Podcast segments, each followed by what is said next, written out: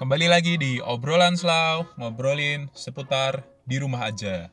Yoi, akhirnya saya melakukan opening setelah sekian lama dan tidak ada jokes-jokes ampas dari Torik ataupun Ricky ya. Ya seperti yang kita tahu lah, mereka suka jokes-jokes nggak jelas gitu, makanya aku kalau opening diam aja, ya udahlah, setelah kalian opening aja sana, aku diam aja. Ya kurang lebih gitulah. Jadi ini podcastku pribadi. Nah, jadi kenapa kok bisa gitu? Karena kita ikut lomba competition from home. Nah, itu lombanya diadain oleh UGM, khusus intern UGM. Ya ada juga sih yang uh, se-PT Indonesia, tapi kita ikut yang intern UGM. Jadi masing-masing kita bikin podcast yang nantinya bakal disubmit ke competition from home. Kurang lebih kayak gitulah. Oke, ngobrolin di rumah aja pasti banyak lah ya keluh kesah dari kita masing-masing.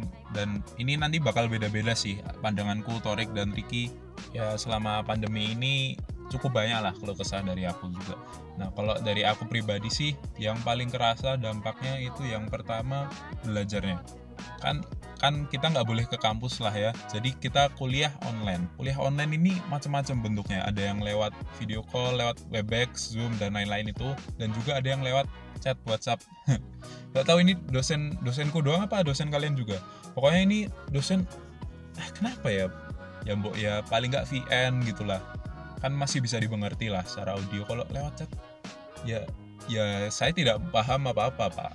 Dan itu materinya emang susah buatku mata kuliah hukum internasional ya itu kayaknya nggak cuma aku yang kesusahan apalagi ini diajarinya lewat chat WhatsApp nah selain itu juga metode-metode daring kayak gini itu tidak membangunkan vibes-vibes buat belajar ya nggak sih?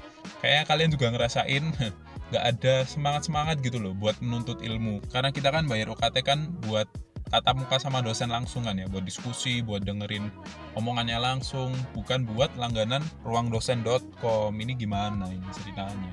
Semoga pihak kampus ada solusinya lah. Ya dibalikin duitnya atau tahun eh semester depan di cashback gitu kan ya maneman gitu loh pak bu ya sini orang tua susah-susah nyari uang eh cuma diajarin lewat online masalahnya ini online ini tidak membangkitkan suasana belajar gitu loh. Ya kalau biasa tatap muka langsung kan kita ketemu banyak temen ya kan? Secara interaksi itu juga lebih intens gitu loh. Kalau kita di rumah sendiri itu kan kayak rumah kan zona nyaman banget kan. Rumah itu kalau menurutku itu di mana kamu bisa rebahan sepuasnya tempat untuk kamu bisa malas malas malasnya ya enggak jadi kan kalau kita belajarnya dari rumah ya otomatis vibesnya untuk belajar nggak ada dong nggak semangat dong.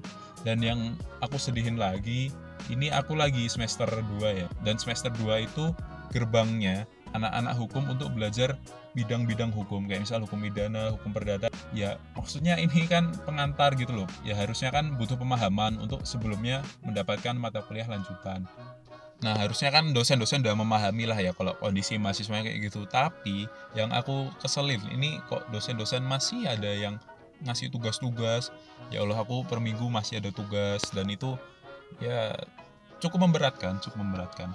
Padahal kan semasa pandemi ini kan kita nggak boleh stres. Bahkan Pak Ganjar Pranowo itu pernah bilang, kalau guru-guru sebaiknya jangan membebani anak-anaknya dengan tugas-tugas. Yo nggak sih? dan itu aku setuju banget kenapa soalnya ya harusnya kan kita di rumah itu buat menjaga kesehatan kita dengan tetap fresh tetap santai tetap relax kalau menurutku sendiri sih tugas yang paling memungkinkan ya di covid ini ya resume karena dengan resume itu kan kita menulis kembali apa yang kita tangkap. Dan itu udah tugas yang paling ideal lah menurutku diterapin. Ya udah yang tugas paling berat tuh ya resume itu. Jadi kan gunanya resume itu kan kita mendalami lagi ya dengan cara kita menulis kembali. Kurang lebih seperti itu.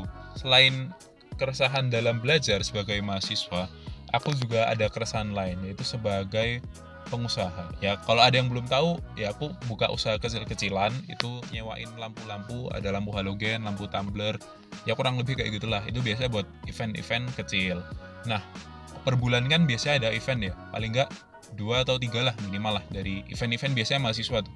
Nah mereka ini paling nggak adalah yang nyewa ke aku. Paling nggak per bulan dapat tiga itu udah minimal lah paling nggak. Ya tapi ya karena itu tadi karena selama covid ini event-event semua ditiadakan demi mencegah penyebaran. Yang sebenarnya bagus sebenarnya bagus. Oke aku setuju. Tapi ya imbasnya itu loh ke aku sendiri. Jadi aku nggak dapat income sama sekali kan? Padahal kan per bulannya aku bisa dapat sekitar ya seperempatnya WMR Jogja lah. Ya nggak banyak sih emang. Cuma kan untuk uang jajan sama uang bensin kan lumayan. Tapi ya karena itu tadi karena si covid ini saya jadi tidak ada usaha lagi kan? Maksudnya usaha saya lagi tidak laku. Jadi karena lampu-lampunya tidak laku lampu tumblernya saya pajang di rumah ya nggak cuma aku sih. Ini mesti sektor usaha atau sektor ekonomi lainnya itu juga mesti kena kena imbasnya di covid-19 ini. Ya kan barel minyak tuh. Barel minyak itu sampai nilainya minus kalau nggak salah ya. Jadi itu kita kalau beli minyak itu malah kita yang dikasih uangnya. Karena minus itu tadi. Kan lucu ya ini padahal minyak kan barang krusial lah di dunia jadi ya kayak penimbun-penimbun minyak itu Amerika Serikat itu Donald Trump menangis itu pasti. Ya karena ya, ya karena itu tadi harga barel sampai minus gitu kan. Jadi selain itu aku lihat kafe-kafe itu pada tutup.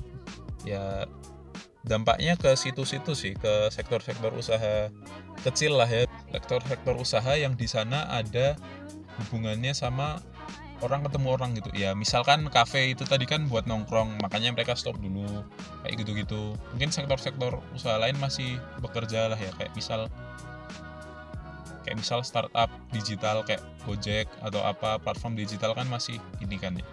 Ya cuma ya kasihan aja sih sama UMKM dan semacamnya kayak gitu kan. Usaha mereka lagi terhenti sejenak. Yang kasihan juga itu adalah para pekerjanya. Nah para pekerja ini kan mereka menggantungkan hidupnya pada pekerjaan mereka mereka lagi bekerja gitulah selama pandemi ini ada perusahaan-perusahaan yang menutup usahanya sementara Nah, itu kan berimbasnya ke pekerjanya juga, yang mana pekerjanya itu ada yang disuruh memenuhi protokol work from home. Nah, itu masih mending sebenarnya. Cuma kan yang lebih kasihan lagi itu ada yang bahkan sampai di PHK. Dia kalau diliburin sementara kan mending ya. Ini ada yang sampai di PHK dan ini udah mulai banyak teman-teman kalau ngecek maskapai itu banyak juga yang udah ngeplanning nih bakal mau kayak gimana. Salah satunya ada ada apa ya? Lupa ya. Pokoknya kalian cari sendiri lah. Itu kayak udah ada planning planning gitu kalau bangkrut gimana dan udah ada rencana mereka itu ngelakuin PHK gede-gedean. Sebenarnya PHK ini kan untuk menekan angka produksi dan dan perusahaan tetap bisa berlanjut melangsungkan usahanya. Sebenarnya PHK kan ini langkah logis yang dilakukan perusahaan demi mempertahankan kelangsungan usahanya. Dan ini kan karena suatu keadaan yang kita tidak inginkan bersama-sama. Ada dilematis di sana tiap perusahaan-perusahaannya. Yang mana apakah pekerja-pekerja ini harus tetap dilindungi atau gimana? Kan ada kendala di sana juga. Jadi sektor ekonomi itu juga berdampak di COVID ini. Jadi Presiden Jokowi juga bilang kalau kesehatan dan ekonomi itu sama pentingnya. Dan ekonomi ini ya imbas tadi dari faktor kesehatan, keadaan kesehatan ini tadi yang Oke, kurang lebih gitu aja dari aku keluh kesahnya. Nanti mungkin kalian bisa cek lagi keluh kesah dari Tarek dan Ricky kayak gimana ya nanti ya. Pasti kan beda-beda dari kita. Teman-teman juga jangan lupa kalau ada yang keluh kesah ingin dibagi silahkan bagikan dengan teman-temannya. Silahkan tetap melakukan interaksi di sosial media dengan teman-temannya. Pokoknya tetap selalu berkarya lah dalam bentuk apa pun itu. Dan juga tetap jaga kesehatan, olahraga juga jangan lupa. Ya, silahkan kalian juga bisa dengarkan obrolan-obrolan kita yang sebelum-sebelum ini. Ya agak cringe gak apa-apa lah ya tapi paling gak ada ilmunya di sana. Dan silahkan kalian kalau mau membagi-bagikan konten kami mau nge-share link podcast kami itu silahkan kalau menurut kalian bermanfaat. Dan tetap dukung kami dalam berkarya. Selalu pantengin lah podcast-podcast kita karena insya Allah bermanfaat. Oke segitu aja.